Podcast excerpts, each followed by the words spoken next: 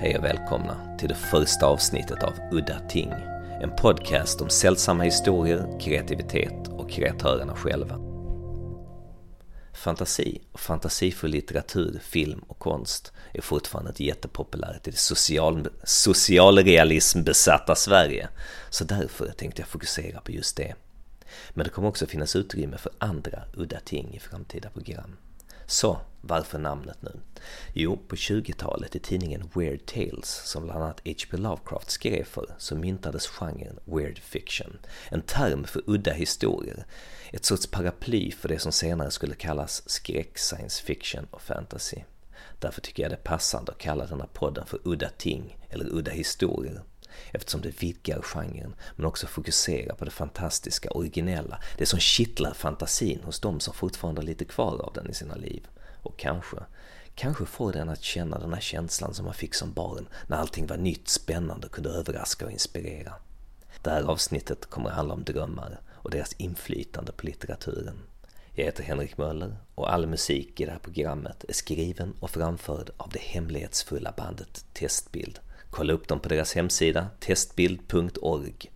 Vi kommer att ha minst en gäst med oss i varje program och dagens gäst är en av mina stora favoriter, författaren Brian Evanson på Skype direkt från Los Angeles. Men först en sällsam historia, en mardrömshistoria. Drömmar beskrivna rakt upp och ner blir sällan bra historier. Men jag jag struntat i det och skrivit ner en febrig mardröm jag hade, sådär rakt upp.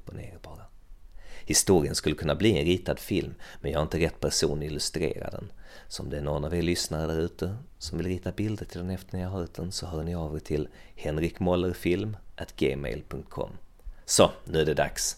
Testbild står för musiken och historien heter Max Kallbrands sista timmar i fast form. Varsågoda! Varje morgon gick Max Kallbrand till sitt arbete på krematoriet.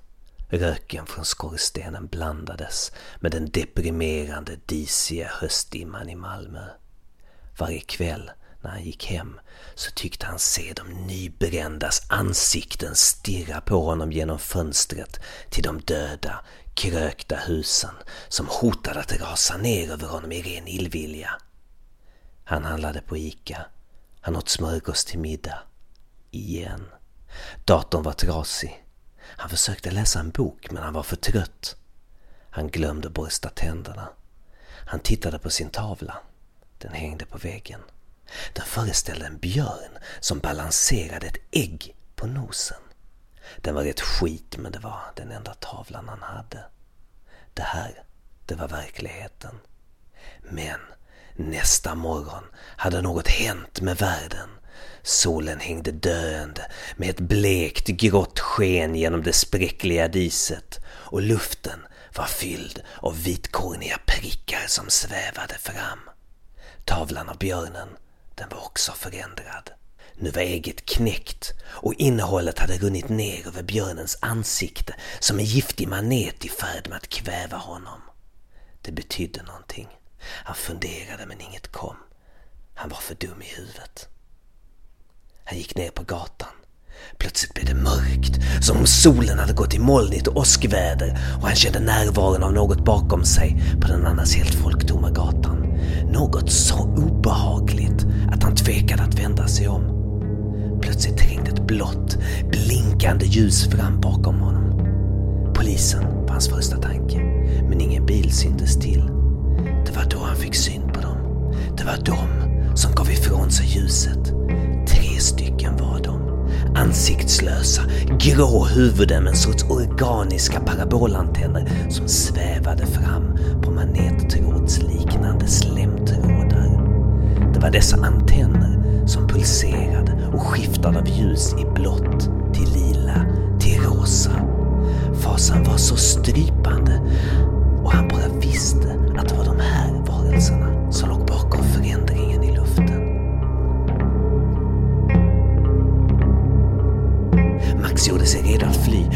men vinklades och skickade bländande ljussken rakt i ansiktet. Så fick hans sinne att kräkas och hans tankar att byta plats med deras.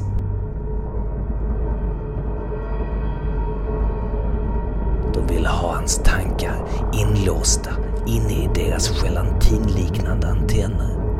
Han var på väg att förlora sig själv. Det var dags att fly, nu!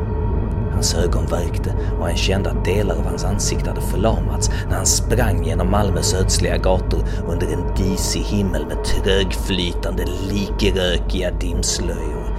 En djup depression lyckades tränga igenom fasan han kände när han upptäckte att varelserna följde efter honom.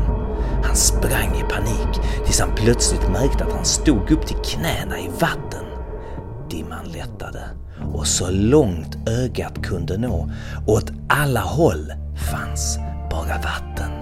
Knähögt vatten under en blek, molnlös himmel. Han förföljdes av de ansiktslösa i vad som kändes som timmar.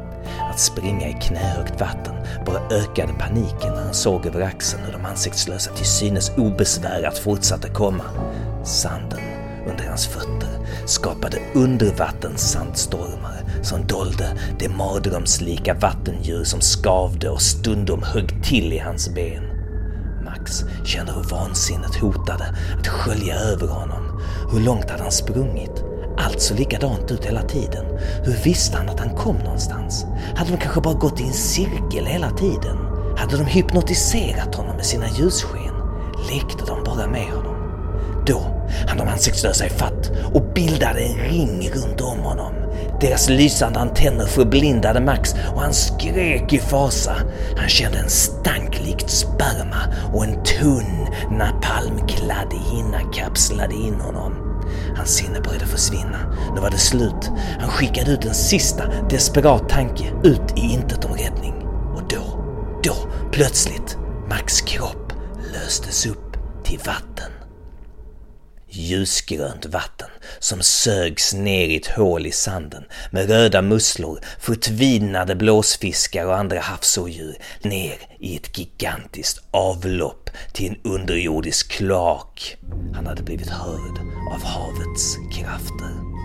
Max partiklar föll nu i form av regndroppar ner genom jorden och ner över ett mörkt, helvetiskt underjordiskt landskap där himlen var fylld av krigande farkoster och spårljus, exploderande granater och brinnande bevingade fiskar som störtade ner mot marken, där tusentals människoliknande gestalter mördade varandra deras skyttegravar kantades av murar byggda av hundratals döda kroppar och vissa av dessa likhögar hade tänts eld på för att lysa upp den sollösa himlen var svarta långsamt kvävde den döende världen. Mitt i detta inferno kunde Max urskilja de ansiktslösas blinkande ljus. De hade inte gett upp. Max, nu i flytande form, sjönk ner genom den ruttnande marken och letade sig ner längre, längre ner till en underjordisk grotta där blinda, vinglösa noddfåglar drack upp honom för att sedan kräka upp alltihopa i en sandtäckt grottsal. Sanden sög upp vattnet, så nu var han en vandrande blöt sandfigur. Små eremitkräftor hade precis börjat gräva sönder sanden i honom när en surrande svärm små varelser som mest liknade repor på ögats hornhinna for runt i grottsalen. De virvlade runt, runt honom i en rasande fart. Snart är du borta, snart är du tom. Din hjärna blir snart som en trasig gom. Ljungade deras små röster. De är inte tre eller hundra. De är bara en. Men det är det som de visar för dig. Deras hypnotiserande ljus döljer deras sanna skepnad. Mitt sinne! De försöker stjäla mina tankar, mitt minne! ropade Max. De små varelserna for runt, runt, runt och plockade isär Max gruskorn för gruskorn och sedan flög de upp. Upp under jorden och högt över Malmö flög de och strösslade ner honom som miljarder gruskorn. Max gruskorn blandades i luften med stoftet av alla de kroppar som han hade kremerat och tillsammans sammanstrålade de till en ny enhet. En enhet som underhöll sig själv med att projicera sina tankemönster över himlen. Där, där var de säkra. Nere på marken så vandrade de ansiktslösa i flockar. Han kunde se deras lysande antenner som gjorde människorna hjärndöda. Han var säker från. Men resten av mänskligheten skulle vara utsatt ända tills den dagen då de brann i kremeringsugnen. Tusentals röster från alla kremerade kroppar talade till Max. Han hade slutligen funnit en gemenskap. Det där var alltså Max Kallbrandts sista timmar i fast form, skriven och framförd av Henrik Möller med musik av Testbild. Nu har det blivit dags för vår första gäst, Brian Evanson, och jag är väldigt peppad för han är de mest fantasifulla levande författarna där ute. Brian Evanson är en av dem som fortfarande genrebestämmer sina noveller och romaner som weird fiction. Han har skrivit bland annat en bok som jag kan rekommendera som heter Immobility handlar om en person som beskrivs som en sorts albinovarelse som väcks upp ur en cryogenic sömn av människorna. Världen har gått under och stora delar av världen där utanför staden de befinner sig är så kraftigt radioaktiv att ingen utom just han kan vistas där. Han är återuppväckt för ett uppdrag. Att finna vad människorna beskriver för honom som frön som de ska kunna så och bygga upp jorden igen. Problemet är bara att han är förlamad från midjan ner, så på resan får han med sig två gigantiska män som turas om att bära honom på deras ryggar. Frågorna som ställs i början av historien är, kommer han hinna tillbaka innan hans bärare dör av strålningen? För dö, det kommer de att göra, det vet de om redan från början.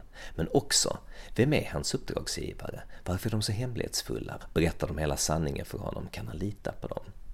När jag första gången hörde talas om Brian Evanson, då var jag på H.P. Lovecraft-festivalen i Portland, Oregon med min film Demonen och besökte då Powell's Books som är en av de största bokaffärerna i världen. Där träffade jag en excentrisk, två meter lång medelålders man, ett stort spretigt skägg. Han hette Chris och vi hade samma intresse för weird fiction. Han rekommenderade en massa grejer som jag aldrig hade hört talas om. Men så plötsligt så glimmade det till av extas och vansinne i hans ögon och han berättade att en av de mest originella och vansinniga historier han någonsin hade läst var en historia i novellsamlingen Contagion av en viss Brian Evanson. Han rusade fram till en bokhylla, slet åt sig boken och började bläddra. Här, här, jag ska visa dig, ropade han. Jag lutade mig fram, full av förväntan, när han ropade Fan, fan, boken är förstörd! Och mycket riktigt, texten var feltryckt så att den halvvägs gick utanför sidan. Jag köpte en annan bok av Brian Evanson den gången. Windeye hette den. Hemma i Sverige var det svårt att få tag på vissa av Evansons böcker på de vanliga webbokshopparna eftersom många av dem var tryckta av mindre okända förlag. Nästa år, när jag var tillbaka i Portland med min andra film, Lokalvårdaren, även känd som Feed the Light, gick jag återigen till Pauls och träffade Chris. Men Contagion hade fortfarande inte kommit in i affären. Jag bestämde mig då för att gå direkt till källan och jag kontaktade Brian själv och frågade om jag kunde köpa boken. Det fick jag. Och där började min dialog med en genial författare som märkligt nog inte slått igenom mer internationellt. Så, mina damer och herrar, knastahuen och troll, här är Brian Evenson. So, Brian, I've read that some of your fiction is partly inspired by dreams. Is that true? Uh, you know, a, a, lot of my work is influenced by dreams in, in some way or another, or I, I, try, as much as anything, it's an attempt to, to create a, an atmosphere that feels dreamlike. And so it's not necessarily a replication of a, of a dream I've had, but more a, an attempt to find um, you know, something of the feel of a dream. You know, something where the reality seems to be changing or breaking down, or you know, where something seems fluid or strange, or things are transforming. All those things are things that I like about dreams, and that I, I want to bring into my fiction in some way. But is there a specific story by yours that is inspired by a dream? I would say. Uh, uh, the open curtain kind of started from a dream, um, and you know, just a very simple moment um, and uh, uh, you know it was it, it, had to do with uh, uh, a dream about about seeing um, oneself in a mirror and then that having that self kind of interact, interact independently from from myself and so that kind of began with that uh, and other things I think have as, as well. Every once in a while, there's there's you know something will come up. I tend to have a lot of dreams. My mother's an architect, Mm-hmm. And um, as a result, for some reason, I have a lot of dreams about architectural spaces. Um, and and there are often dreams in which I'm trying to move through an architecture, eh, architectural space and, and can't, or I'm stuck. A lot of dreams about stairs and and about you know trying to go upstairs or trying to go through passages that are too small. And and I think that that often when I'm describing um, architectural spaces or movements through um, caves or things like that, um, th- that is coming directly from dreams. I think you're talking about your novel Grottor, and Grottor, Grottor means caves in Swedish. Yes, so uh, yes, yes, uh, but was there a reference to Sweden or Norway in that story? I can't really remember something uh, about that. Not so much. I mean, it's set in Utah, but but there's a lot of details. Uh, I think that uh, Marmor is the name of the of the grandmother, which is also from Swedish, and um, I, I I'm Swedish American, so I, I think it's partly tied to those things. But yes, I imagine that'd be a very different story to read if you're Swedish and, and know all those little little hints and clues. But the moment in the, I think at the end of Grottor, um, where he's moving through the caves and it's uh, he's getting stuck in the caves, um, or you know, in the passage. Um, that started as part of the Open Curtain. So the Open Curtain, when it was originally written, was um, had a very different ending that just didn't work, and and and and I took kind of aspects of that and and brought it into um, um, the ending of Grottor, and and so I, I, think that's where that really came from, uh, and that is very much based on dreams and dreams of being stuck in caves and things. I think I should start from the beginning. Uh, part of the thing that inspired this podcast is uh, a quote from Dan O'Bannon, who wrote the script to Alien, the first Alien. And he said yeah. that whenever he got writer's block and he had a problem uh, in writing a story, he, he said uh, that he would lie down on the bed and try to go to sleep. And what he meant by that was uh, um, when you're slowly descending into a dream or coming yeah. out of a dream that that little space in between is when you can really control your dreams and you're you, you know that you're dreaming and but yeah. you're still in this uh, sort of sea where you have the uh, uh, where you easily can grab ideas or free flowing yeah. ideas i don't know exactly what's happening but i guess it's you're free from stress and pressure to deliver a story on time and uh, a lot of barriers are gone so uh, yeah. Yeah, yeah. No, I, mean, I know people who talk about kind of when you there's a moment in sleep where you have a synaptic jerk, and and if that's kind of a very creative moment, if you can get up and write after that, then then then something will open up or change. Uh, yeah. How exactly would that work? Uh, it, does does it mean that you that you wake up when you ha- you're having this? Yeah, I, I think it's if you if you're dreaming or asleep and you have this kind of you know body jerk that wakes you up, um, uh, then then you're in this state where where you're you're still close enough to the dream state um, that that you're, you're you're just you're open. I think in a different way. And so, so I, I know writers who kind of have trained themselves to, to kind of, if they have that moment where, most of the time, if that happens, we just go back to sleep. We have a moment in the dream that kind of wakes us up, and then we just turn over and go back to sleep. And, and some people have trained themselves to get up and, and just write at that point. You know, there are things like, like I think I had something like that when I would write very late at night and, and kind of be half asleep or fall asleep and wake myself up and work a little bit and kind of drift off. That that did put me into a state that was like that, um, you know, similar in some ways. Did you do this many times, or was just a one-off? Um, a lot of the stories, especially my early, early stories, were written very late at night because I had a, a young child, and and I was I was often really uh, exhausted during the day, and so I would I would be writing and kind of half falling asleep and half waking up, and it ended up being a very odd experience. Uh, I have a book called Dark Property that was kind of written uh, upstairs in an old house that um, had really bad insulation, so that you could just hear the wind blowing through the through the walls all the time, and and and I would be half asleep and kind of um, inventing words uh, and you know trying to remember words that, that were kind of obscure and rare. and um, and and when that, you say that inventing me, excuse me you say inventing words you mean that uh, uh, there were parts of the story that you had to fill in uh, fill in the blanks by yourself or you mean ac actually inventing words so so that of all my books, that's the one that has the most neologisms in it. So it just has a ton of words that are either created or that were kind of um, um, ah. uh, re- regained from from um, you know from earlier in the English language. So words that had fallen out of usage and things like that. And uh, um, you know, so so there there are a lot of words in there that maybe only occur in that book and, and nowhere else, or have occurred in the 18th century and then occur in that book.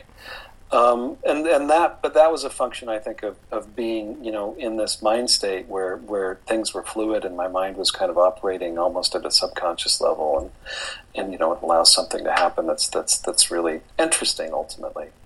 And and I, you know, for me, one of the interesting things about writing is is trying to get into this position where where your decisions as a writer are being made almost at the same time as you're you're writing and so you don't necessarily plan the story out in advance, but you kind of put yourself in a position where you're kind of open to what's happening, and, and then the story will surprise you and kind of, you know, keep you keep you going in interesting ways. So I have a story called Wind Eye, and in the story Wind Eye, which the main character goes and sees his mother, and the mother says, "You don't have a sister."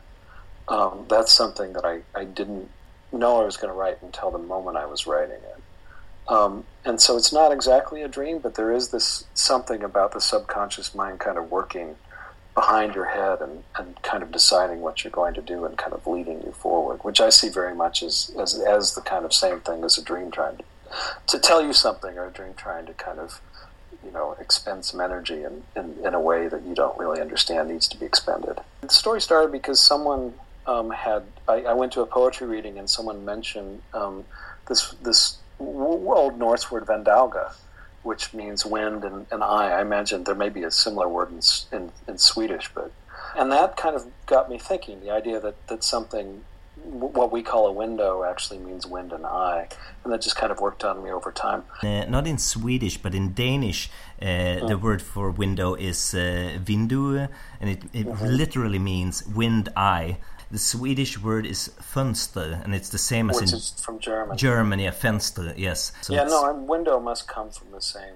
same meaning exactly. Um, but yeah, I think Norwegian has a word. I think maybe it has several words, but and the least common is the one that would mean wind and eye together. Yeah. yeah. So yeah, I'm, I'm very interested in those moments where um, where language, um, you know, starts to reveal something about about the world that that you know might be different um, than than what we know. And of course, I mean, when you look at things like dream interpretation, the kind of weight that you put on words and misheard words and things like that is is, is really interesting as well. Most people uh, usually says that it, it's because uh, when they're working too much, uh, they have a daytime job and they're working too much. That kind of takes over and kills their imaginative life. Mm -hmm. So uh, that sort of affects their dreams. Uh, yeah. Well, I don't know yeah. if you uh, if you agree to that. You seem to um, have another take on it. Yeah, I don't know if I agree with that exactly. If I'm just doing, you know, daytime work and administrative stuff at school and not writing, then then I will have really vivid dreams because I think there is a kind of frustration there.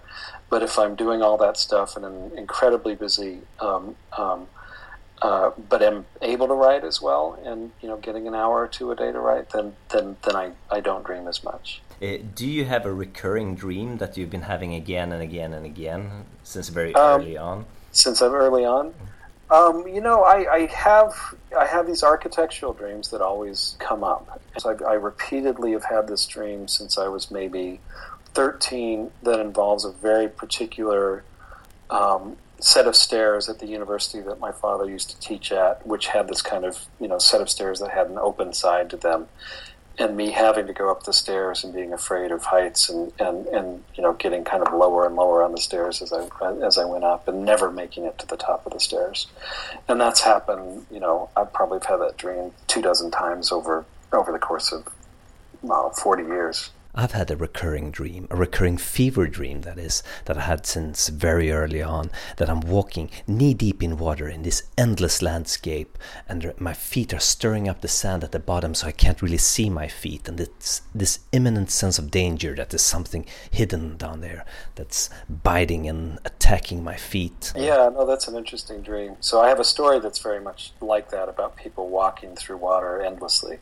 The story that Brian was talking about was called The Angel of Death, and it's part of the Wind Eye collection. The Angel of Death is about eight people moving through water, and they have to keep moving, constantly moving, and one of them is taking notes of what's happening, and, and that is what we're reading, and one of them is the Angel of Death. From one thing to another, I've heard that you're also a teacher in epistemology. I, I do teach some epistemology, yeah.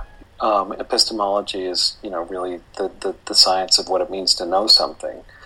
And, and uh, you know, when you start to think about knowledge and how knowledge works and whether you can actually know something for certain that that's a huge part of my work i think is characters who think they're experiencing something and they may not be or characters who can't distinguish between a dream or a reality or these characters i have a lot of for whatever reason a lot of dreams within my work as you've probably noticed where yeah. characters have these moments where they're entering into a, a different space and then phenomenology is so much about the way in which the, the body interacts with the world and and and you know how we kind of work as a physical presence and, and you know the, the, the, boundaries or the lack of boundaries between things. You know the rubber hand experiment? No. You you put a rubber hand on a table that you know is kind of cut off um, here, and and then you have someone put their hand under the table, and then you stroke the rubber hand with a feather, and then under the table you also stroke their hand with a feather. And then what happens for them mentally is is they feel the sensation and they see the hand being stroked and and eventually after six or seven minutes imagine a, an arm that connects to the rubber hand um, coming from your own shoulder um, because you, are just trying to make sense of the fact that you're experiencing this sensation um, and so, so I'm really interested in those moments as well, where we, we reimagine the shape of our bodies, and, and I think that those moments are really so prevalent in, in dreams as well. These moments where where our sense of ourselves changes, or our sense of the world is kind of transforming or changing. Like myself, you seem to be very interested in the concept of the uncanny, that moment in a story when uh, the boundaries of reality break down and something very familiar becomes terrifying. Do you know of a story that captures this really well? I think that the example Freud uses for the uncanny is uh, uh, the Sandman, uh, that story. I, I, think anything that kind of presents something as normal and, and, and then kind of takes it out from under you is, is kind of works well in that category. Um, Ordinary, the, everyday yeah, objects that turns out to be something else. Exactly, yeah. Um, the, uh, um, the, the, the Robert Aickman story I was talking about, um, which is called, um, I think it's called the I said the I think it's the hospice um, has this amazing moment where he's just having dinner and then he suddenly realizes that someone has their leg chained to a table um, near him and it's just never addressed. Um, he just kind of goes on without addressing it. And that's one of the great things about a lot of his stories is these really odd things are happening in which the character just seems to be not addressing them or dealing with them or ignoring them. And that ends up making you as a reader feel more and more anxious as things are going on. Um, so, so those would be some examples, I guess, of that. Um, yeah, I, I think that, that any any kind of moment where you take something that you think you know and and start to make it odd or strange or start to kind of defamiliarize it is is moves us in that direction of the uncanny you uh, you give them something you give them a few tools you give them uh, you feed them something to get them to think about certain things like for right. yeah like for example in Ted Klein's Black Man with a Horn yeah. when they, the the the Tcho-Tcho people they come back uh, with this man and suddenly he's all quiet they've taken him somewhere and uh, somebody says something oh they planted something inside of him that's why he's yeah. quiet and you give the reader something uh, what did they do to this man what's happened to him right. something like right. that yeah, yeah, yeah, little little things like that. Or you know, and there's the Arthur Machen story, "The White People," um, which is a really one of my favorite stories, um, where it's just it seems very normal at first, and you start just getting little details and strangenesses that kind of accrue, and by the end of it, you don't know exactly what's happened, but you know it is really disturbing. Or the Willows, the the uh, Algernon Blackwood story, where where the whole story is just about you know movement in, of the wind in the trees, yes. and it just gets weirder and weirder and just more and more unsettling. I think that's that's a great way to end. The, do you have anything else to add? Otherwise, uh, no, that, that's that's good. So yeah. yeah. Thank you so much, Brian, for taking your time. Thank you. Goodbye. Right. Bye bye. Ja, tack så mycket för att ni lyssnade och förhoppningsvis så kommer nästa avsnitt snart igen. Lämna en kommentar i fältet nedan om vad tyckte var bra och dåligt. Jag heter Henrik Möller, musik av Testbild. Hej då!